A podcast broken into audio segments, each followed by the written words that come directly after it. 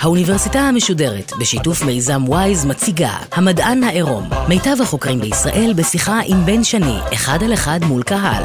והפעם, שיחה נוספת עם הפרופסור דן אריאלי, מרצה לפסיכולוגיה וכלכלה התנהגותית מאוניברסיטת דיוק, על הרציונליות של הכסף. עורכת ראשית, מאיה גאייר. ערב טוב לכם, אנחנו בחלקו השני של המפגש שלנו עם הפרופסור דן אריאלי.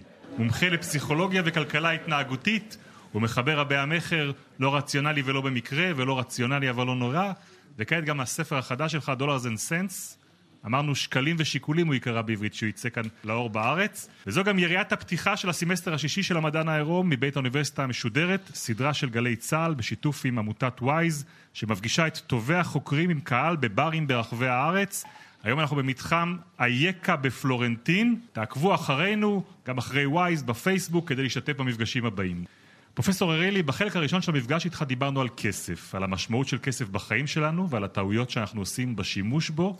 ניתחנו את ההחלטות הלא רציונליות שנובעות מהטיות שונות שיש לנו בנוגע לכסף ואת האופן השגוי שבו אנחנו מבזבזים ולא חוסכים כתוצאה מהשפעות שונות.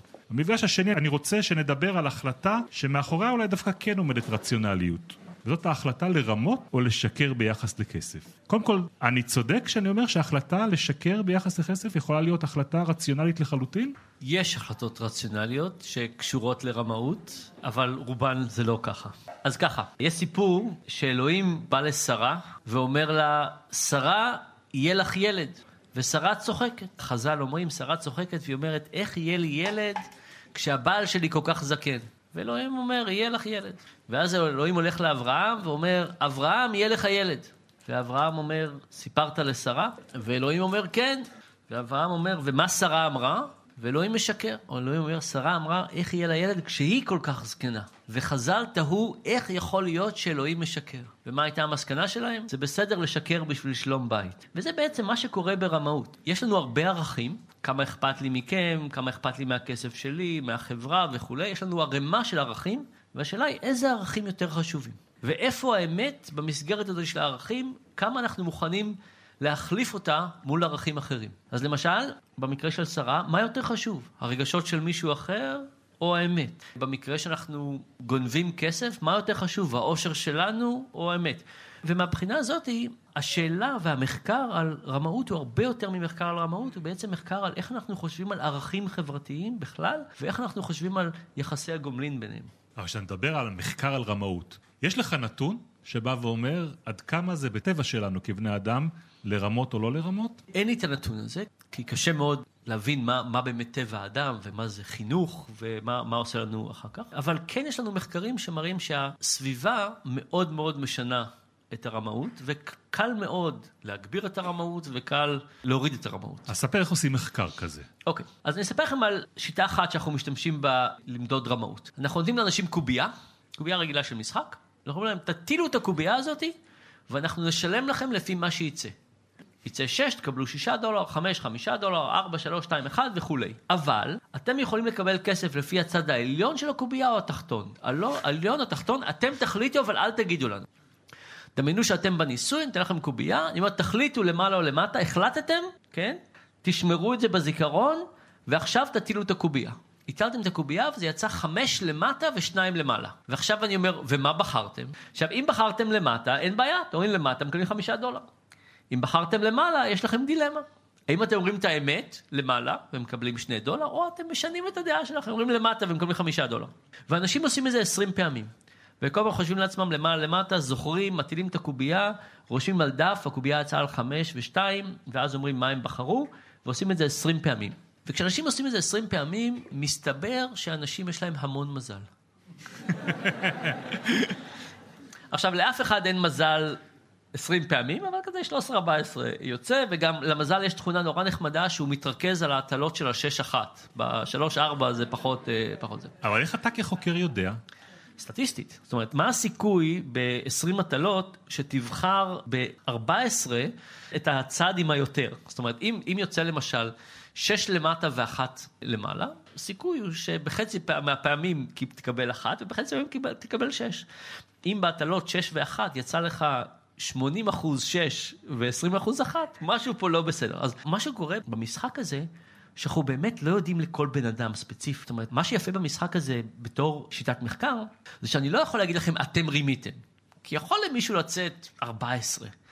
אבל כשיוצא לאלף אנשים 14, יש פה משהו לא, לא בסדר. דרך אגב, אנחנו משתמשים בשיטות כאלה גם בשביל לבקש מאנשים אה, לספר דברים מביכים על עצמם. אז נניח שהייתי מבקש מכם לספר משהו מביך. אוקיי, נניח משהו מביך. הייתי אומר, נניח, האם בפעם האחרונה שהייתם בשירותים לא רחצתם ידיים? לא, מביך נורא, אבל קצת מביך. ועכשיו אני נותן לכם מטבע, ואני אומר, תטילו את המטבע, אם זה יוצא עץ, תגידו לי שלא רחצתם את הידיים, ואם זה יוצא פאלי, תגידו את האמת. אז מה שקורה, אתם מטילים, אתם זה, ואתם אומרים, לא רחצנו. עכשיו, אני לא יודע עליכם אם באמת לא רחצתם או שיצא לכם עץ, אבל אם אני רואה שהסיכוי שה... שמעבר לאנשים, 80 אחוז אמרו לא, אני בעצם מבין ש-60% מהאנשים לא רחצו את הידיים. אז יש דרכים שבהם אנחנו לא מאשימים בן אדם ספציפי, אבל אפשר מעבר לבני אדם ללמוד על הרמאות. אבל יש מצב שבו המוטיבציה שלנו לרמות גבוהה יותר? כן. אז המחשבות הרגילות, זה שאם לאנשים הם מקבלים יותר כסף, הם ירמו יותר. תחשבו שהיינו עושים את הניסוי הזה, והיינו נותנים לכם עשרה סנט לנקודה, דולר לנקודה או עשרה דולר לנקודה. הבדל מהותי של כסף. הייתם מצפים שאנשים ירמו יותר כשהכסף עולה? דווקא לא נכון. כשהכסף עולה, דווקא קצת מרמים פחות. זאת אומרת, מסתבר שהרעיון הזה של להרוויח יותר, זה לא מה שמניע אותנו. אבל יש דברים אחרים שכן מניעים אותנו, ביניהם היכולת לעשות רציונליזציה. אם אנחנו יכולים לרמות ולהרגיש טוב עם זה, אנחנו מרמים יותר. זה לא הסיכוי להיתפס, זה לא כמה כסף נרוויח, זה כמה יכולים לעשות רציונליזציה לזה. הניסוי הבא שאני אספר לכם זה לא באמת ניסוי טוב, אבל הוא ממש נחמד היה. אז יש לי אה, מכונה של ממתקים, כזה של ופלות, זה vending machine. ויום אחד אה, סידרתי את המכונה ככה, שהיה כתוב על כל ממתק 75 סנט, אבל את המכונה סידרתי שהמחיר היה אפס. אז מה קרה? לא משנה כמה כסף שמתם, זה יחזיר לכם את כל הכסף, כי הכל יותר מאפס, וגם את הממתק. ושמתי שלט גדול שאמר, אם המכונה לא בסדר, תתקשרו למספר הזה. וזה הטלפון שלי, אני יודע כמה אנשים מתקשרים. שאלה ראשונה, איזה אחוז של האנשים התקשרו? אפס, נכון. כמה ממתקים אנשים לקחו? שלוש, ארבע. אף אחד לא לקח חמש. רוב האנשים לקחו או שלוש או ארבע. עכשיו, למה? למה אנשים לא, לא עשו את זה? כי, כי לקחת חמישה זה כבר לגנוב. זאת אומרת, אתם יכולים לקחת שניים, שלושה, ארבעה ולהגיד, שמעו, הייתה איזו מכונה אחרת שלקחה לי את הכסף ולא נתנה לי את הממתק, והמכונה האחרת הזאת היא בת דודה קרובה של המכונה הזאת, ואני רק ככה מסדר את הקרמה של העולם, אבל באיזשהו שלב משהו נהיה מוגזם. אבל אני אספר לך את הסיפור שהכי מדאיג אותי. על רמאות. עשינו את הניסוי הזה שסיפרתי לכם עם, ה... עם הקובייה, אבל הכסף ששילמנו להם לא היה דולר נקודה. זה היה איזו נוסחה אחרת, ואמרנו לאנשים, תשמעו, יש היום שני משחקים כאלה. הם זהים לגמרי, חוץ מכמות הכסף. ניסוי אחד, המקסימום שאתם יכולים לקבל היום זה 4 דולר. היחס בין נקודות וכסף הוא כזה שהמקסימום כסף שאתם יכולים להרוויח היום זה 4 דולר. הניסוי השני, המקסימום שאתם יכולים לקבל היום זה 40 דולר. זה כל ההבדל. אתם מטילים אותו דבר הכל, רק או 4 דולר או 40 דולר המקסימום. אמרנו, בואו תטילו מטבע, ונראה אם קיבלתם את הגרסה של 4 דולר או של 40 דולר. אנשים הטילו את המטבע, ולא משנה מה יצא להם, אמרנו להם, אוי, מצטערים. יצא לכם 4 דולר. ואז העוזר מחקר מסתכל מסביב ואומר, תשמעו, הבוס שלי לא פה היום. אז אני אגיד לכם מה, אתם קיבלתם שלושה דולר החזר הוצאות על האוטובוס, אם תיתנו לי את השלושה דולר האלה, אני אגיד שקיבלתם את ה-40 דולר. אז השאלה הראשונה, איזה אחוז מהסטודנטים שלנו שיחדו אותו? מי חושב שזה בין 0 ל-25 אחוז? נניח 10 אחוז. מי חושב שזה בין 25 ל-50 אחוז?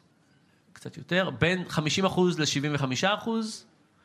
מעל 75 אחוז? מעל 80 אחוז? מעט, מעט, ודווקא הקהל היותר מבוגר נראה לי פה, אה, שם מאחורה, ופחות זה, אבל אתם צודקים. 90 אחוז מהאנשים שיחדו אותו, שזה כמובן רע, אבל רק להבהיר, אני מסתובב בעולם ועושה ניסויים כל הזמן. אף אחד אף פעם לא בא והציע לי שוחד. זה לא היה המצב שבו באו אלינו להציע שוחד, זה היה מצב שבו מי שהריץ את הניסוי ביקש שוחד. זאת אומרת, הבוס אמר, פה משחדים, וכאילו, בסדר, יאללה. ומה קרה אחרי זה? אז כמעט כולם שיחדו, ואחרי זה הם עברו מ-4 דולר ל-40 דולר. הם הלכו להרוויח הרבה יותר כסף. הם רימו יותר, פחות, אותו דבר? יותר. רימו יותר. ולא סתם שהם רימו יותר, הם התחילו לגנוב. עכשיו, מה אני מתכוון בלהתחיל לגנוב? אמרתי לכם כבר מה זה לרמות. יש להם את הדף הזה, הקובייה יצאה על חמש ושתיים, אני בחרתי חמש, הם עושים את כל הזה, ואז הם מסכמים את הנקודות שיש להם, מכפילים את זה במקדם ואומרים, מגיע לי ככה וככה כסף, נניח 23 דולר. הם כותבים 23 דולר, ועושים עיגול סביב 23 דולר, ואז הם יכולים לשלם להם. במקום לשלם להם, אנחנו נותנים להם מעטפה. הנה מעטפה עם 50 דולר. תשלמו לעצמכם את כמות הכסף שמגיע לכם. את כמות הכסף שלא מגיע לכם תשאירו במעטפה. וכשאתם עוזבים את החדר, יש קופסה גדולה עם מעטפות, תזרקו את המעטפה שם. אז עכשיו לאנשים יש שתי אופציות שונות לרמות. יש לגנוב ויש לרמות, ככה אני חושב על זה, נכון? ואתם יכולים להרגיש, אני חושב, למה זה שונה. זאת אומרת, זה משהו שונה להגיד, אה, באמת התכוונתי למטה. אוש, נכון, אמרתי למעלה לעצמי, אבל באמת התכוונתי, זה כאילו משהו קצת אחר מאשר לכתוב 23 ולקחת 24 או 25 או אפילו 50. ודרך אגב, כשאנחנו עושים את הניסויים האלה, לא בניסוי הזה, אנחנו עושים את זה באופן כללי, אנחנו רואים שאנשים מרמים אבל לא גונבים. אנשים, כאילו, יש להם מזל יותר ממה שציפינו, אבל הם כותבים 23 דולר, לוקחים 23 דולר, וגם פושעים עושים את זה. עשינו את הבדיקה הזאת מחוץ לפרול אופיס בעיר שבה אני גר, בדורם, אנשים פושעים יצאו ועושים את הניסוי איתם, גם הם מרמים ולא גונבים. בניסוי הזה על השחיתות שסיפרתי לכם, זה היה הניסוי הראשון שראינו שאנשים גם גונבים. ותחשבו כמה זה עצוב. תחשבו מה קורה כשאנחנו נתקלים במערכת שהמישהו שיושב בקצה המערכת מושחת. מה קורה לנו אחרי שאנחנו אפילו נפגשים איתם פעם אחת? מה קורה לנו? ומה שמאוד מטריד פה זה שזו הייתה פגישה אחת. ואחרי פגישה אחת עם מערכת מושחתת, אנשים משתנים, משתנים באופן קיצוני. עכשיו, קשה לדמיין מערכות כאלה. במיוחד כאן אצלנו. במיוחד כאן. כן. לא, גם, גם בארצות הברית, אני לא יודע אם שמעתם שטראמפ נבחר, אה, אבל... לא, זה, זה, זה, באמת, זה באמת שאלה מאוד... תראו, באופן כללי היינו רוצים אה, להתייחס אה, באותה חומרה ובאותו דרך ליושר של האנשים באשר הם. אבל כשאתם חושבים על הניסוי הזה, זה בעצם אומר שהדבר הזה הוא לא נכון. כי מישהו שהוא נמצא אחראי על איזושהי מערכת, חוסר היושר שלהם משפיע באופן הרבה יותר רחב על כולנו. זאת אומרת, החשיבות, ש... חוסר יושר הוא דבר מדבק. דבר מדבק, יש לנו עוד ניסויים על זה, ובגלל זה החשיבות של אנשים שעומדים בראש איזושהי מערכת הרבה יותר חשובה. אני חייב להגיד שהסיפור הזה מדהים ומעורר באמת הרבה מחשבות, ואני מוצא את עצמי שואל, מי הנשיינים שלך?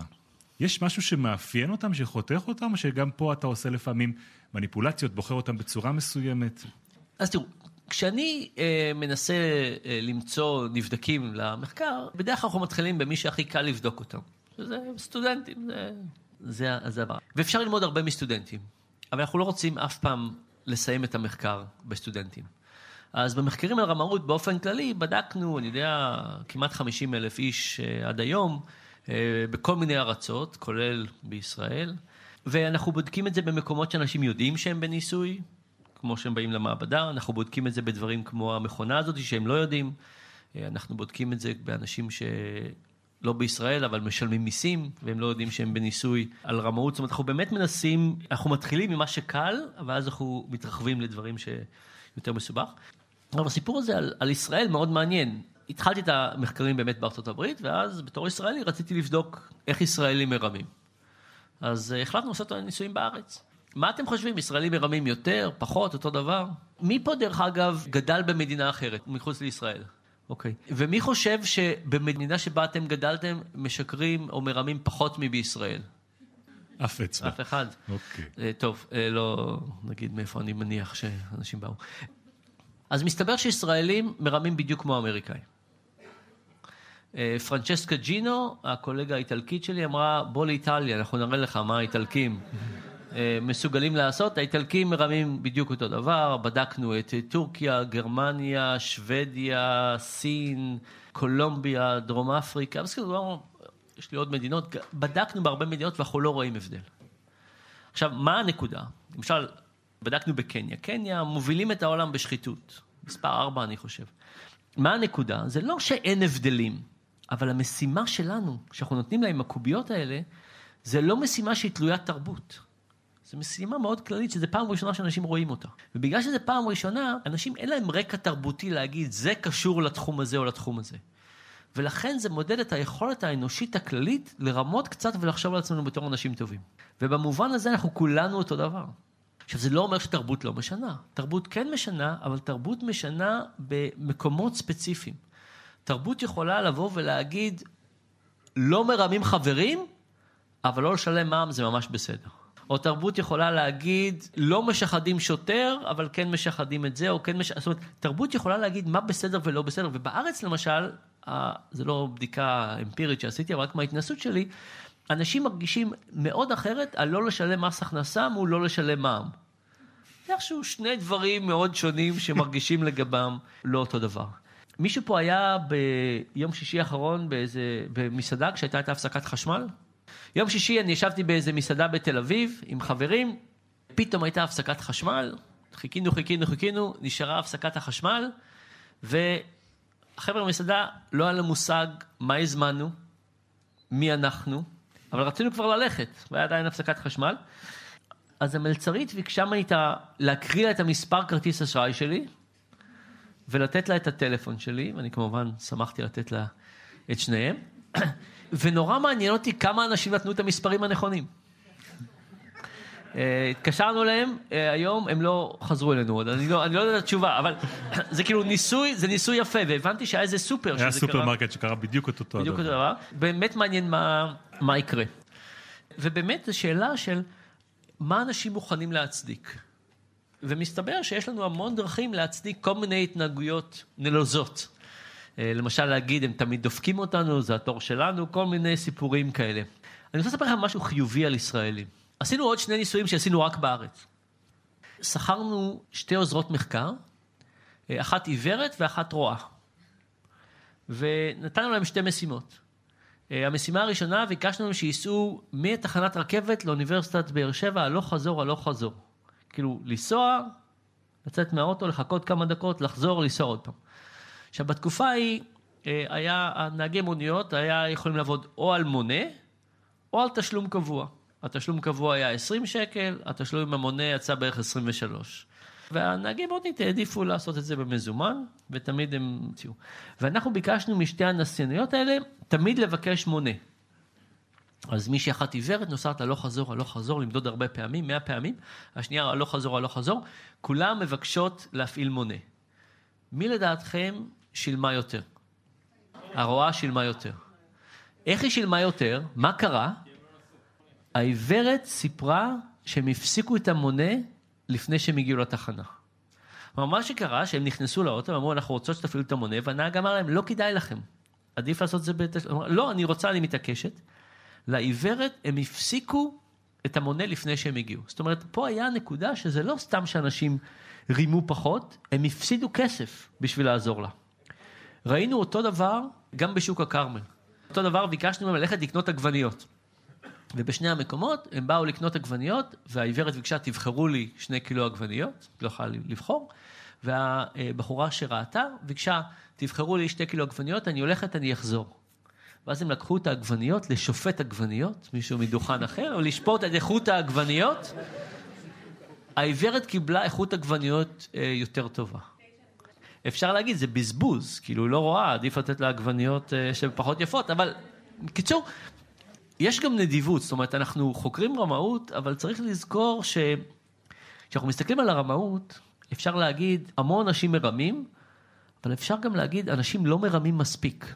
זאת אומרת, אנשים, כאילו, יש בנו המון, המון אמון. למשל, התיק שלי הוא בחדר ההוא שמה, אה, השארתי אותו, את עכשיו מסתכלת, לא, הוא לא שם כבר. תחשבו על כל הפעמים במשך יום רגיל שאתם יכולים לגנוב דברים ושאף אחד לא ידע על זה. אתם הולכים לחברים שלכם, אה, ארוחת ערב, אתם הולכים לשירותים, אה, לרחוץ ידיים, יש להם מגבות חדשות, לכם אין, אה, יש לכם את התיק, אתם הולכים לאיזה מסעדה, יש להם סכו"ם מאוד יפה. תחשבו, כאילו, החיים מרוצפים בהזדמנויות, שאם הייתם כל הזמן חושבים מה אני יכול לקחת ושאף אחד לא יתפוס אותי, היינו גונבים המון. אז זה נכון שאנחנו צריכים להשתפר. אבל זה גם נכון שיש הרבה יופי בטבע, בטבע האנושי, ויש הרבה דברים שאנחנו מתנהגים ממש טוב. אז רגע, נדבר על היופי הזה ועל הרצון שלנו להיות בסופו של דבר בסדר. יש דרך לשכנע אנשים לא לשקר? מבחינת קבלת החלטה, אני מתכוון.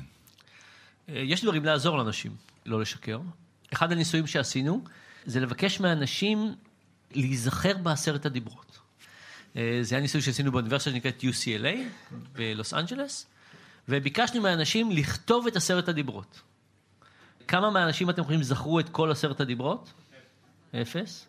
כמה מכם חושבים שהייתם זוכרים את כולם? דרך אגב, אנשים גם המציאו כל מיני חדשות. אחר כך, זה סתם, זה מאמר צד, אבל אחרי זה עשינו קצת מחקר, ובאנו לאנשים, אמרו, תשמעו, עשרת הדיברות נכתבו לפני הרבה זמן. אם אתם הייתם אחראים לכתוב אותם מחדש, מה, מה היה נשאר, מה היה יוצא, מה זה, מה הדיברה הראשון שהייתה יוצאת? על מה אנשים היו מוותרים בעשרת הדיברות? אני אתן לכם רמז, אימא שלי יושבת פה, זה כבד את אביך ואת אמך לצערי. אני ממש מצטער, אבל כן, זה הדבר הראשון שאנשים מאמינים אה, צריך, צריך, לצ... אמריקאים, אמריקאים. לא, זה לא יפה. בקיצור, מה קרה אחרי שאנשים ניסו להיזכר בכל עשרת הדיברות? הם הפסיקו לרמות. כלומר, יש משהו מאוד מעניין בלהזכיר לעצמנו את זה. אה, עשינו את זה גם, עשינו גם ניסוי עם חברת ביטוח. ביקשנו מאנשים לחתום על הטופס של חברת ביטוח או בהתחלה או בסוף. עכשיו, תחשבו שאנחנו הולכים לבית משפט. אה, אנחנו נשבעים. נשבעים בהתחלה או בסוף? למה? למה נשבעים בהתחלה? כי אנחנו מבינים שלהישבע זה בעצם להיכנס למין מוד כזה, של אוקיי, אני עכשיו הולך להגיד את האמת. אבל איכשהו בטפסים אנחנו חותמים בסוף. אז אנחנו פתאום בטפסים לא חושבים על זה שאנחנו במין מוד כזה של כנות, אנחנו במין מוד כזה חוקי טכני, אבל זה לא נכון. אז מה קרה כשביקשנו מאנשים לחתום בהתחלת המסמך? אנשים יותר ישרים, מרמים פחות. יש איזו מדינה בדרום אמריקה שאני לא יכול להגיד לכם מי היא, אבל הם עשו את זה עכשיו עם המיסים שלהם. הם ביקשו מאנשים שיחתמו על המיסים בהתחלה ולא בסוף, והראו שאנשים משלמים מיסים, והם עשו את זה שנתיים, ובשנה השנייה, חלק מהאנשים שחתמו בשנה הראשונה לא ביקשו מהם לחתום בשנה השנייה, והם הראו שבערך חצי מהאפקט נשאר גם לשנה השנייה. כלומר, חתמנו שנה שעברה, זה לא שאנחנו זוכרים את החתימה, אבל התחלנו להתנהג באופן מסוים, ובשנה הבאה ההתנהגות הזאת היא יחסית תופסת. לא ממלאת לגמרי את האפקט, אבל ממשיכה. אז אם אנחנו חושבים על זה ככה, פתאום יש לנו דרכים כן לגרום לאנשים להיות יותר כנים. בתור מישהו שחוקר רמאות, זה גם משהו שמדאיג אותי כל הזמן. ואם אתם תתחילו לחשוב על זה, אתם תראו שזה נהיה מין טבע שני. אני חושב שרמאות זה... אנשים לפעמים חושבים על זה שזה כאילו, לקחתי קורס ועכשיו אני בסדר. לא, זה כמו דיאטה. זה משהו שצריך להילחם בו כל הזמן. הראיית קצרת הטווח שלנו היא מאוד מאוד חזקה. הרבה פעמים לרמות זה משהו שטוב לטווח הקצר, אבל לא טוב לטווח הארוך. ישב לידי במחלקה חבר, שאל אותי, מולד 35, הוא בא למשרד שלי, הוא אמר, תשמע, אני לא יודע מה לעשות עם הפרופיל שלי ב-JDate. אה, הוא אמר, תשמע, יש שם קטגוריה של 30 עד 34, והקטגוריה הבאה זה 35 עד 40. הוא אמר, מה, אני צריך עכשיו לעבור לקטגוריה של 35 עד 40? הוא אמר, הרי אני נראה כל כך צעיר, זה, זה יבלבל אנשים, כי הם יראו את זה והם יגידו, זה לא, זה לא מתאים. ואני שכנעתי אותו שהוא צריך, הוא לא השתכנע, אבל הוא נשאר בקטגוריה הזהירה. עכשיו, כמובן, לרמות בשביל ללכת לדייט הראשון, זה אסטרטגיה טובה אם אתם מוצאים רק דייט ראשון. אבל כשמישהו מגלה שרימיתם, זה אסטרטגיה לא טובה לדייט השני. וזה בעצם מה שקורה הרבה פעמים ברמאות, זה שזה אסטרטגיה טובה לטווח קצר, אבל לא טובה לטווח הרחוק, בטח לא לחברה, אבל כשאנחנו לא חושבים לטווח הרחוק, אנחנו מרמים יותר. טוב, ההתנהגות שאתה מדבר עליה מוכרת לכולנו, התנהגות אנושית, אבל אפשר גם להגיד שהיא מאפיינת ארגונים? ארגונים גם יכולים לרמות? ארגונים מרמים המון, זאת אומרת, זה אנשים בארגון מרמים, ואחד הדברים ש, שגילינו זה רמאות אלטרואיסטית. אז תחשבו על הניסוי הבא. אה, אתם משחקים באותו משחק קובייה שסיפרתי לכם עליו, ופעם אחת אתם יושבים לבד ומשחקים את המשחק הזה, פעם בן או בת הזוג שלכם יושב לידכם. אתם מרמים, כשבן או בת הזוג שלכם יושב לידכם, הם לא יודעים מה עובר לכם בראש, למעלה למטה, אבל הם רואים את הרשימה. ואומרים, וואלה, יש להם המון מזל, בייחוד בהטלות של השש אחת. מה אתם חושבים? תרמו יותר, פחות, או אותו דבר אם בן או בת הזוג שלכם יושב לידכם? יותר. למה? למה יותר? אני אספר לכם עוד סיפור ואז נחזור לזה. עשינו מחקר פה בשיתוף עם החבר'ה מהבינתחומי בהרצליה, שבו אנשים שיחקו את אותו משחק, אבל עם גלאי שקר או גלאי אמת. זאת אומרת, חיברנו אותם למכונה שבדקה האם הם משקרים או לא משקרים. ומה שגילינו שהמכונה יכולה לזהות כשאנשים משקרים. לא כל הזמן, אבל מדי פעם באופן סטטיסטי יכולים לזהות שאנשים משקרים. בתנאי אחר של הניסוי, אנשים רימו בשביל צדקה. ביקשנו מאנשים לבחור את הצדקה שהם הכי אוהבים, וכל הכסף שהם הרוויחו הלך לצדקה הזאת. מה קרה עכשיו? אנשים רימו יותר, והגלאי שקר הפסיק לעבוד. למה? על מה הגלאי שקר עובד? הגלאי שקר עובד על מין מתח כזה. אני רוצה יותר כסף, אבל זה לא בסדר. אני רוצה יותר כסף, אבל זה לא בסדר. אבל אם זה בשביל, בשביל צדקה, זה ממש בסדר. תחשבו על רובין הוד. נניח שהיינו מחברים את רובין הוד לגלאי שקר. מתי הגלאי שקר הזה היה עובד? רק כשהוא לא גונב. זאת אומרת, הוא הרגיש שהוא בסדר אתית רק כשהוא גונב. כלומר, אם אנחנו עושים את זה בשביל אחרים. עכשיו בואו נחזור רגע לשאלה של אתם יושבים ליד בן או בת הזוג שלכם. פתאום אתם אומרים, אני לא גונב רק בשבילי, זה בשביל כל המשפחה. וזה פתאום נהיה יותר בסדר. זה דרך אגב אחת הסיבות, אני חושב, שלפוליטיקאים כל כך קל לשקר. כי אומרים, אני לא משקר בשבילי, זה בעצם בשבילכם, אם אני אבחר, זה יהיה לכם יותר טוב, קל להצדיק את זה. אז מה שקורה בארגונים, ואם אתם מסתכלים על כל מיני סקנדלים בזמן האחרון, אם אתם מסתכלים על הסקנדל של הלייבור, אתם מסתכלים על הסקנדל של וולסווגן, האנשים שרימו שם לא היו אנשים בכירים, היו אנשים בפחות או יותר תחתית הסולם, והם רימו בשביל אנשים אחרים. הרווח שלהם היה מאוד מאוד נמוך. האנשים שרימו בפולקסווגן זה לא אנשים שהתעשרו. החבר'ה שעשו את התוכנה שרימתה את הגלאי של הזיהום, זה לא החבר'ה שהלכו להתעשר מזה. אם היו רוצים להתעשר, הם היו עושים דברים אחרים. תראו, יש מעט מאוד מה שנקרא fraud, שאנשים ממש גונבים כסף מהארגון. רוב הדברים של הרמאות בארגונים זה שאנשים עוזרים לארגון שלהם לרמות ארגונים אחרים, לרמות הצרכנים, זאת אומרת, הם בעצם כאילו תחת המטריה של לעזור לארגון, בעצם נהיים אה, פחות אתיים. דן אריאלי, יש לנו קהל גדול כאן במקום שנקרא אייכה בתל אביב.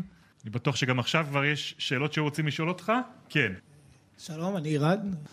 אה, דיברת על חוסר יושר וכמה שהוא מדבק וכולי. השאלה היא אם יש איזשהו מידע על יושר וכמה הוא מדבק, או איך אפשר בעצם להפוך את המקום שאנחנו חיים בו לקצת יותר נחמד. כן. בגדול. אז האמת היא שזה קשה. והסיבה שזה קשה, כי אנחנו לא כל כך רואים יושר. אה, תחשבו שאתם נוהגים בכביש, ויש מכוניות שנוהגות במהירות המותרת, אנחנו לא כל כך רואים אותן. אנחנו רואים את מי שנוהג מעל המהירות המותרת. כלומר, הדברים שהם יוצאים מן הכלל, אלה הדברים, ההתנהגות הלא ראויה, זה דווקא ההתנהגות שבולטת לנו. אתם הולכים ברחוב, שלושה אנשים זורקים זבל. אתם לא אומרים לעצמכם, וואו, אף אחד כמעט לא זורק, חוץ מהשלושה האלה. זאת אומרת, אנחנו רואים הרבה יותר את האנשים שמתנהגים באופן רע, וזה, וזה כמובן בעיה, והשאלה היא איך אנחנו הופכים את ההתנהגות הטובה להתנהגות יותר, יותר נראית. אחד הפוליטיקאים האהובים עליי, ואין הרבה כאלה, הוא אנטיאס מוקוס. אנטיאס מוקוס היה אקדמאי בקולומביה, נהיה ראש העיר של בוגטה. והוא עשה הרבה דברים יפים. אחד הדברים המאוד יפים שהוא עשה, תחשבו, היה יובש. בבוגטה הם היו צריכים לחסוך מים. תחשבו איך אנחנו בארץ עושים את זה. באמת עשינו דברים יפים, עם לחסוך מים, טיפות וזה. מה שהוא עשה, זה הוא אמר, בוא נלמד את אה, האנשים בבוגטה איך להתקלח. כלומר, להתקלח זה דבר כזה אישי. מי, מתי לימדו אתכם להתקלח? כמה מים להוציא וזה? זאת אומרת, אז מה הוא עשה? הוא התקלח בטלוויזיה יחד עם אשתו. והם הראו לאנשים, פותחים את המים נרטבים, סוגרים את המים, מסבנים אחד את השני, גם יותר נחמד, גם לא זה מים, פותחים את המים, מתרחצים ביחד, הכל טוב. דמיינו עצמכם זה בישראל. ביבי ושרה. דבר ראשון, דבר ראשון זה רייטינג של 100%, אין פה שאלה בכלל. ו, ובאמת זו התנהגות פרטית. אתם אומרים לעצמכם, מתי פעם אחרונה מישהו הסביר לכם כמה, כמה מים להוציא ו, ולא להוציא? אז יש פה באמת משהו מאוד יפה של לתת לאנשים סטנדרטים חדשים להתנהגות. מה שהוא עוד עשה, זה שבבוגטה אנשים לא עוצרים באדום. יש צומת, ארבעה דברים, אנשים לא עוצרים באיפה שהקווים האלה שאמורים לעצור, נכנסים לצומת. עכשיו, מה קורה כשאנשים לא עוצרים? ברגע שעשרה אחוז מהאנשים נכנסים לצומת, כולם נכנסים לצומת. תחשבו שאתם מגיעים לצומת, עשרה אחוז מהאנשים נכנסים לאמצע. מה הייתם עושים? מחכים? הייתם מחכים עד סוף העולם. אז כולם נכנסים. וזה מה שנקרא שיווי משקל רע. כלומר, טוב שכולם מחכים, אבל אם מעט מאוד אנשים מתחילים להיות לא בסדר, כולם חייבים להיות לא בסדר. אין מצב של לחכות, לחכות, לחכות. אז מה הוא עשה? הוא שכר מאות מוקיונים. כאלה עם אה, פנים לבנים וכפפות וכזה, העמיד אותם בצמתים, והם צחקו ולעגו לאנשים שלא עצרו במקום הנכון. והם פחות או יותר, נשארו שם כמה שבועות, ופחות או יותר הרגילו את האנשים לחכות. כלומר, וזה מצב של שיווי משקל לא טוב, אתה צריך שכולם ישתנו בבת אחת.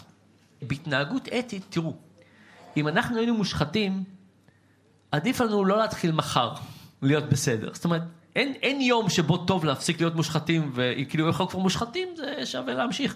ואם רוצים להפסיק את זה, צריך להפסיק את זה אצל כולם ביחד. collective action, צריך שכולם יפסיקו ביחד. ומה שהוא באמת עשה, זה הוא הבין את הרעיון הזה ואמר, הנה אנחנו מפסיקים. אז למשל, אני חושב שיש לנו סיכוי לחשוב על uh, יום ההולדת הבא של ישראל. או, או לקחת איזושהי שנה uh, משמעותית, וכמו כזה יום כיפור, להגיד, אוקיי, עכשיו אנחנו מפסיקים. או תחשבו מה שעשו בדרום אפריקה. בדרום אפריקה היה the, the Truth and Reconciliation Act. אחרי האפרטהייד, אמרו, איך עוברים מאפרטהייד ללא אפרטהייד? אין, אין כאילו מעבר חלק. עלו על הבמה, אנשים אמרו את כל הדברים הנוראים שהם עשו, ביקשו סליחה, עכשיו זה לא מוחק את האפרטהייד, אבל זה אומר אנחנו מתחילים דף חדש. ואנחנו, יש לנו גם כן הרבה טעויות שעשינו, ואני חושב שלהגיד, אוקיי, בואו נעשה יום כיפור למדינה, אה, לכולנו, ולהגיד ממחר נתחיל דף חדש, זה הזדמנות לא רעה לנצל ככה את אה, יום העצמאות. אז זה הכיוונים שהייתי חושב עליהם. כן. ערב טוב, רמי מחולון. רציתי לדעת עד כמה אתה מרגיש או אולי יודע האם ההנגשה של כל הניסויים כמדע פופולרי להמונים באמצעות הספרים וההרצאות באמת מצליח אה, לשנות את ההתנהגות האנושית בתחומי הכלכלה, גם מבחינת ידיעה והרגשה וגם האם יש טעם וערך לעשות ניסויים שביצעת בעבר ולראות אם אנשים אכן למדו משהו מהממצאים. כן, אז תראה, אין לי אה, מידע אמיתי, יש לי מידע מקוריוזים. אני נפגש עם אנשים, אנשים כותבים לי, זאת אומרת, אני יודע דברים כאלה, זה, זה מהבחינה האישית. והאמת היא שיש דברים מאוד נוגעים ללב. לפני כמה שנים ישבתי במטוס, יושבת לידי מישהי שאומרת כמה שהיא שמחה שאני יושב לידה, והיא אמרה שהיא חולת סכרת, והיא התלבטה אם להמשיך לקחת אינסולין או להשתיל משאבה. היא אמרה שבדמיון שלה היא התווכחה איתי. זאת אומרת, היא כאילו דיברה איתי על מה צריך לעשות, טווח קצר, טווח ארוך, אה, הרגלים וכולי. והחליטה שאני הייתי מייעץ לה שהיא צריכה לקחת את המשאבה, וזה מה שהיא באמת עשתה, ואז היא שאלה אותי אם באמת הייתי מחליט, והמשכנו לדבר. עכשיו, זה כמובן מדגם מוטה, זאת אומרת, היא באמת, ישבתי לידה, אבל אנשים שכותבים לי זה מדגם מוטה, אנשים שמחליטים יותר גרוע בגלל שהם קוראים את הספרים שלי, בטח לא כותבים לי. אבל אני, אני גם רואה אה, שינויים יותר רחבים. זאת אומרת, יש את השאלות שלנו בתור אנשים, בתור בני אדם, אבל יש את השאלות ה... של ייצור הסביבה שלנו. ושם אנחנו מצליחים די, די יפה, אני, אני מרגיש. אז למשל, בישראל אה, עזרנו להעביר את החוק של אה, חיסכון לכל ילד. עכשיו, הסיבה, אני לא יודע אם אתם יודעים את זה, אבל הסיבה לחוק הזה זה בגלל מחקר. והמחקר הוא מאוד יפה. המחקר הראה שכשלוקחים ילדים בארצות הברית, ולחצי מהם פותחים חשבון חיסכון לאוניברסיטה, ושמים בחשבון הזה מעט מאוד כסף, כבר בגיל ארבע לילדים האלה יש יכולות קוגניטיביות חברתיות יותר גבוהות. עכשיו, זה לא בגלל שהילדים יודעים שיש להם חשבון חיסכון, זה בגלל שההורים שלהם יודעים. ופעם בחודש ההורים מקבלים חשבון שאומר, הילד הזה שעדיין בחיתולים, כבר יש לו חשבון חיסכון לאוניברסיטה. וקונים קצת יותר ספרים, מקריאים להם קצת יותר וזה משנה את זה. והחשבון חיסכון לילד, לכל ילד באמת בא מאותו רעיון, של להגיד, אנחנו בתור מדינה יכולים להוזיל את האוניברסיטה. אבל זה לא אותו דבר כמו שכל ילד מגיל אפס וההורים שלו יחשבו עליו בתור מישהו שהולך לאוניברסיטה למשל. או עוד דבר ש, שעזרנו להעביר, זה לשנות את החוק על אה, סימון מזון. אז אה, כמו שאתם יודעים, היום הסימון מזון הוא, זה כמו ללכת לספרייה. כאילו כתוב כל כך הרבה מאחורה, זאת אומרת זה פשוט לא רלוונטי, אתם לא תתחילו להוציא כל מיני ופלים ולהשוות ולראות מה זה, גם כתוב בקטן, זאת אומרת זה ממש לא רלוונטי. אז אמרנו בואו נעשה עיגול ירוק גדול מה שבריא, עיגול אדום גדול על מה שלא בריא, ונשים את זה מקדימה. חברות המזון דרך אגב רצו את זה מאחורה. וזה יהיה מקדימה, וכמובן שזה משנה את ההתנהגות באופן מאוד אחר, זה ייקח קצת זמן עד שזה ייכנס, אבל ברמה של, ה, של החקיקה וברמה של מה חברות עושות, אנחנו, שם אני חושב הניצחונות הגדולים, אני חושב שכן אנשים מקבלים החלטות יותר מושכלות, אבל זה כמובן מאבק יותר קשה. אני רוצה להגיד עוד משהו על, על אוכל. אחד הדברים שגילינו שעוזר, זה במקום לכתוב קלוריות, כמה קלוריות זה, זה לכתוב כמה דקות צריך לרוץ בשביל אה, להוריד את, ה, את הזה. עכשיו, עכשיו, זה עובד משהו נהדר. עכשיו, למה זה עובד טוב? כי אתה אוכל משהו שהוא 300 קלוריות, אז מה? אבל אם זה משהו שאומר, זה עכשיו חצי שעה ריצה, אתה אומר, נו באמת, אני רוצה לרוץ היום חצי שעה בשביל זה, זה נותן לך מין אה, תחלופה כזאתי. אבל החבר'ה ממשרד הבריאות, שאני מאוד אוהב אותם, אמרו שאת זה בשום פנים ואופן לא יכולים לה, להעביר בכנסת. הסיפור הזה של כמה דקות צריך לרוץ לא, לא ילך, אז ויתרנו על זה. אבל רואים כן שהמחקר כן, אתה יודע, לוקח הרבה זמן ויש עוד המון דברים לעשות, אבל אנחנו מתקדמים. כן, שאלה אחרונה לערב. היי דן. שרון מאייקה. מעניין אותי לדעת אם יש איזושהי תוצאה, מסקנה, אה, תובנה שממש הצליחה להפתיע אותך. יש הרבה דברים שהצליחו אה, להפתיע אותי. אני לפעמים אחרי זה אומר, אה, כן, בעצם חשבתי על זה מההתחלה, אבל אה, אני אספר לך משהו, אחד הדברים שהכי הפתיע אותי. זה היה מחקר בקניה, במעברה שנקראת קיברה, וניסינו לגרום לאנשים מאוד מאוד עניים לחסוך קצת כסף. והשתמשנו בכל מיני דרכים. אה, נתנו להם הודעות אס.אם.אס והוספנו להם כסף ועשינו כל מיני דברים, ואחד הדברים שניתן להם זה מין מטבע כזאת בגודל כמו, אה, לא יודע, של, של פקק של, של בקבוק, ועם 24 מספרים על, ה, על המטבע הזה, ל-24 שבועות של התוכנית, וביקשנו מהם כל שבוע שהם חסכו לקחת סכין ולחרות על המטבע מלמעלה למטה, וכל שבוע שהם לא חסכו לעשות משמאל לימין. והמטבע הזאת גרמה לכמעט פי שניים יותר חיסכון, מאשר לתת להם 20 אחוז תוספת. השאלה היא כמובן למה. דיברנו בשבוע שעבר על הרעיון הזה של כסף נראה ולא נראה, וזה בעצם מה שקרה. מה שקרה זה שהמטבע הזאת גרמה לאנשים במשפחה להבין שזה לא שיש פחות אוכל על השולחן, זה כן שיש, אבל זה לא שיש פחות כסף, זה יש עוד דבר אחר ש, שאנחנו עושים.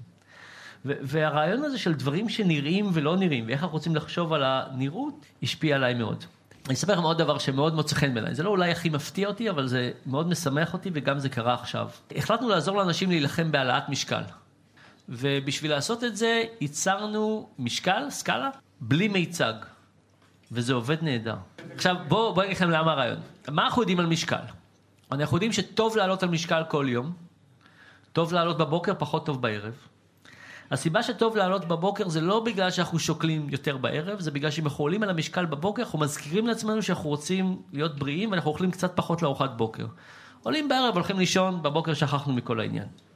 הדבר השני, שלמשקל יש שונות מאוד גדולה. משקל יכול לעלות למעלה ולמטה בקילו שניים בלי בעיה. כמה מלח, מתי הלכתם לשירותים, לא רלוונטי. והעלייה והירידה הזאת יוצרת מה שנקרא gain aversion. בכלכלה התנהגותית אנחנו מדברים על loss aversion, שנאת הפסד. אומרים, להפסיד אלף שקל נורא נורא כואב, להרוויח אלף שקל זה כיף, אבל זה לא משתווה לסבל של הלהפסיד, והיחס הוא בערך שתיים לאחד. תחשבו מישהו שלא משנה את המשקל שלו לאורך זמן, אבל כל יום עולה, יורד בקילו. יום שאתם עולים בקילו, יום מה זה מעצבן? יורדים בקילו זה שמח, אבל זה לא, זה לא משתווה לזה. ולכן החוויה הממוצעת היא חוויה שלילית. תחשבו לעצמכם, כמה מכם שמחים לעלות בבוקר על המשקל, מחכים לזה. זה לא קורה, אנחנו שונאים את הדבר הזה. והדבר הנוסף שקורה זה שהגוף לוקח לו הרבה זמן להגיב. אנשים אומרים לעצמם, אני בדיאטה מאתמול בבוקר. לא אכלתי כלום, רק סלט, והלכתי לרוץ, ועכשיו אתם עולים על המשקל, ועליתם חצי קילו. כי לגוף יכול לקחת עשרה ימים, שבועיים להגיב לדיאטה, זה לא קורה מהר. אז מה קורה? המשקל הרגיל, הדיגיטלי, הוא בעצם נותן לנו יותר אינפורמציה, אבל עם המון רעש. וזה רק מבלבל. אז אמרנו, בואו נפריד בין למדוד ולקבל פידבק. זה שני דברים מאוד שונים. אנשים עולים על המשקל בבוקר, אומרים, כל הכבוד, עשיתם את העבודה שלכם, ממש יופי. ואז אנחנו כן נותנים לאנשים פידבק, נותנים להם ממוצע של השלושה שבועות האחרונים. ולא בקילו או בפאונד, אלא בחמש רמות. אתם באמצע, כל הכבוד, לא קרה כלום, סטיית תקן אחת. קצת יותר טוב, קצת פחות טוב, הרבה יותר טוב, הרבה פחות טוב, זה פחות או יותר הכל לשלושה שבועות האחרונים. ולמה זה דבר טוב? כי בעצם אינפורמציה זה לא בגלל הדיוק. מה שאנחנו רוצים זה לעזור להבין, לאנשים להבין את היחס בין סביבה ומסובב. מה עשיתי ומה קרה, ולתת את הממוצע הזה של איך דברים באים לשלושת השבועות האחרונים, בעצם עוזר לנו להבין את היחס בין מה שעשינו. התחלתי לרוץ קצת, הנה קרה משהו. התחלתי לאכול עוד עוגיות, הנה קרה משהו. זאת אומרת, זה בעצם מה שאנחנו רוצים להבין. ועשינו עכשיו מחקר עם אנשים גם עניים וגם שמנים, באיזה call center, אנשים שעובדים כל היום יושבים ולא מרוויחים הרבה וגם ש... אה, לא בריאים. נתנו לחלק מהם את המשקל הרגיל והם העלו בערך 0.3% מהמשקל שלהם כל חודש, חמישה חודשים. נתנו ליתר את המשקל שלנו והם הורידו 0.7% מהמשקל כל חודש, חמישה חודשים. ו- ובעיניי זה סיפור נורא יפה. זה אומר, אנחנו יכולים לקחת את הזכוכית מגדלת של מדעי החברה ולהסתכל על המון דברים בחיים. אתם יודעים, המשקל, המצאנו אותו, או אנשים המציאו אותו, הוא היה משקל מכני. והמחט הייתה אהבה, ולא בדיוק ידענו איפה זה. ואז עברנו למשקל דיגיטלי, ואז פתאום אנחנו רואים את המשהו הזה בדיוק. האם זה טוב? העולם דיגיטלי, אפשר פתאום להפחיד. אפשר להפריד בין למדוד ובין לתת פידבק, ואיזה פידבק בעצם רוצים לתת. וכשמסתכלים על העולם מנקודת המבט של מדעי החברה, פתאום אפשר לחשוב מה אנחנו רוצים לשפר. איזה אינפורמציה טובה לנו, לא טובה לנו, איך אנחנו רוצים לשפר את מה שיש. דן אריאלי, לקראת סיום, אנחנו תמיד עושים עם האורחים שלנו סבב מהיר של שאלות, התשובה עליהן צריכה להיות קצרה אולי אפילו במשפט אחד. מול איזו החלטה כלכלית, אתה מוצא את עצמך מאבד כל יכולת לחשוב בצורה רציונלית. כל דבר שהבת שלי רוצה. שאלתי את אימא שלך כבר אומרת את זה בקהל, כן. אם אתה בודק את פירוט האשראי שלך, אתה בודק אותו? אף פעם. ניסוי שהיית רוצה לערוך ואפשר לעשות אותו רק בישראל.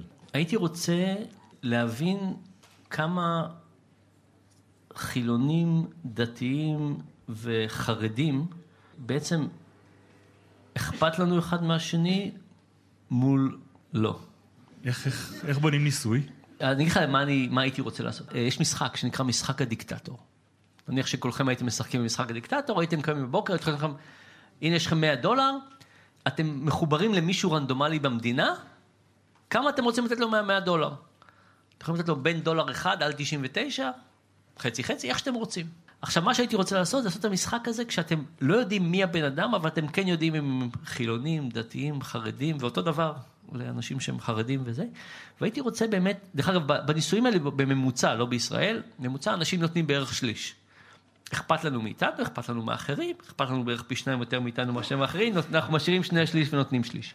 ומאוד מעניין אותי להבין, יש תחושה, יש לי תחושה מאוד עצובה וחזקה, שאנחנו בעצם, פחות ופחות אכפת לנו אחד מה, מהשני, שאנחנו נהיים פחות עם אחד, אנחנו יותר עמים מרובים, ואני רוצה באמת להבין אם זה ככה או לא, אני מקווה מאוד שזה לא.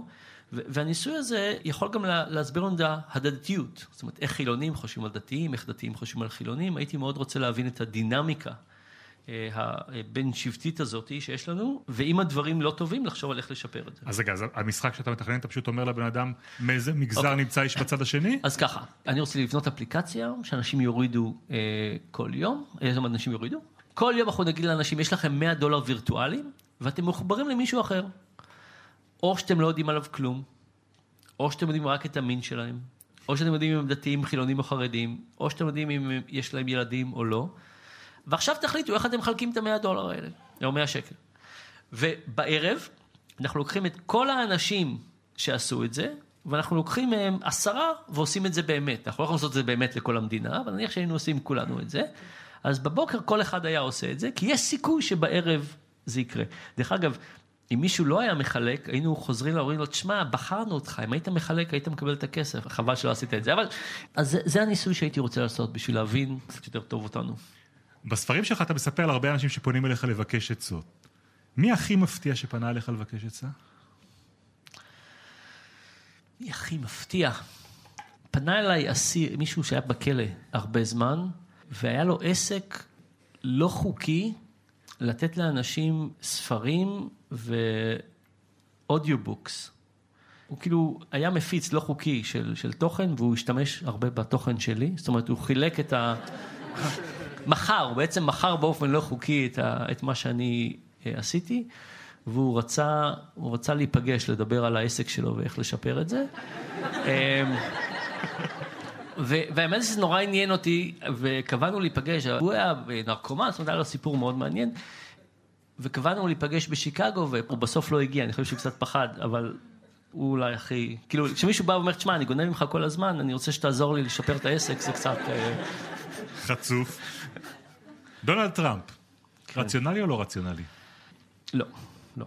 אין, אין, פה, אין פה שום ספק. תשמע, מאוד קשה להבין מה, מה מניע אותו, אבל לא יכול להיות שיש פה איזה שהם מניעים שהם קוהרנטיים בין מה שהוא רוצה. זאת אומרת, העצבים שיש לו על כל מיני אנשים גורמים לו לעשות דברים ש... לא משנה מה העדפות שלו. אני, אני לא מאמין במה שהוא מאמין בתור uh, קידום חברתי, אבל זו שאלה אחרת, אבל הוא פשוט נכנס לטירוף מכל מיני אנשים שאומרים שהבוריטו באחת המסעדות שלו לא, לא טוב. זאת אומרת, זה, זה, זה מעצבן אותו, והוא נשיא ארצות הברית, והוא מתעסק בכל מיני אנשים שמרגיזים אותו. אז אין, אין פה שום שאלה, אני חושב, שהוא לא, שהוא לא רציונלי. אני חושב שהשאלה שה, הגדולה זה כמה נזק הוא יעשה לארצות הברית ולעולם. אז ננסה לסיים בשאלה אופטימית. כן, בבקשה, אני באמת, זה נורא. מה הדבר שאתה הכי ממליץ להוציא עליו כסף? תראו, אין ספק שהדבר שקונה לנו הכי הרבה אושר זה חוויות. יש uh, כלכלן סטובסקי, הספר שלו נקרא The Joyless Economy, שאמר משהו מאוד יפה. הוא אמר שאחת הטרגדיות של החיים המודרניים, אנחנו מעדיפים comforts על pleasures. אנחנו לא מספיק עושים דברים אמיצים וגדולים. והאמת היא שאתם יודעים, לחיות חיים נוחים זה יופי, זאת אומרת אין, אין בזה בעיה. וכשאנחנו עושים דברים אמיצים ולוקחים סיכון, יש סיכוי להצליח בגדול ויש סיכוי להיכשל. אבל האמת זה שאם אנחנו לא לוקחים סיכונים ויכולים להיכשל, אנחנו נחיה חיים די משעממים אה, בסופו של דבר. ו- ואני חושב שאחד הדברים זה לחשוב על חוויות וחוויות בגדול. זאת אומרת, דברים שכן, מה זה מסוכנים? אני לא אומר תתחילו לקפוץ מכל מיני מקומות, אבל תעשו דברים שיכול להיות שממש לא תאהבו. יכול להיות שממש לא תענו, יכול להיות שיהיה גשם כל השבוע, לא משנה מה, שווה לקחת, לקחת סיכונים. החיים זה משחק ארוך, וכשהמשחק ארוך, צריך להסתכן, ולהסתכן בחוויות זה אה, אסטרטגיה שהיא טובה. פרופסור דן אריאלי, תודה רבה רבה לך על המפגשים האלה. למפגשים עם אה, פרופסור דן אריאלי ולמפגשים האחרים בסדרה שלנו במדען העירום אפשר להזין בפודקאסט של המדען העירום. תודה רבה לעמותת וויז, השותפים שלנו, ועד הפעם הבאה, לילה טוב.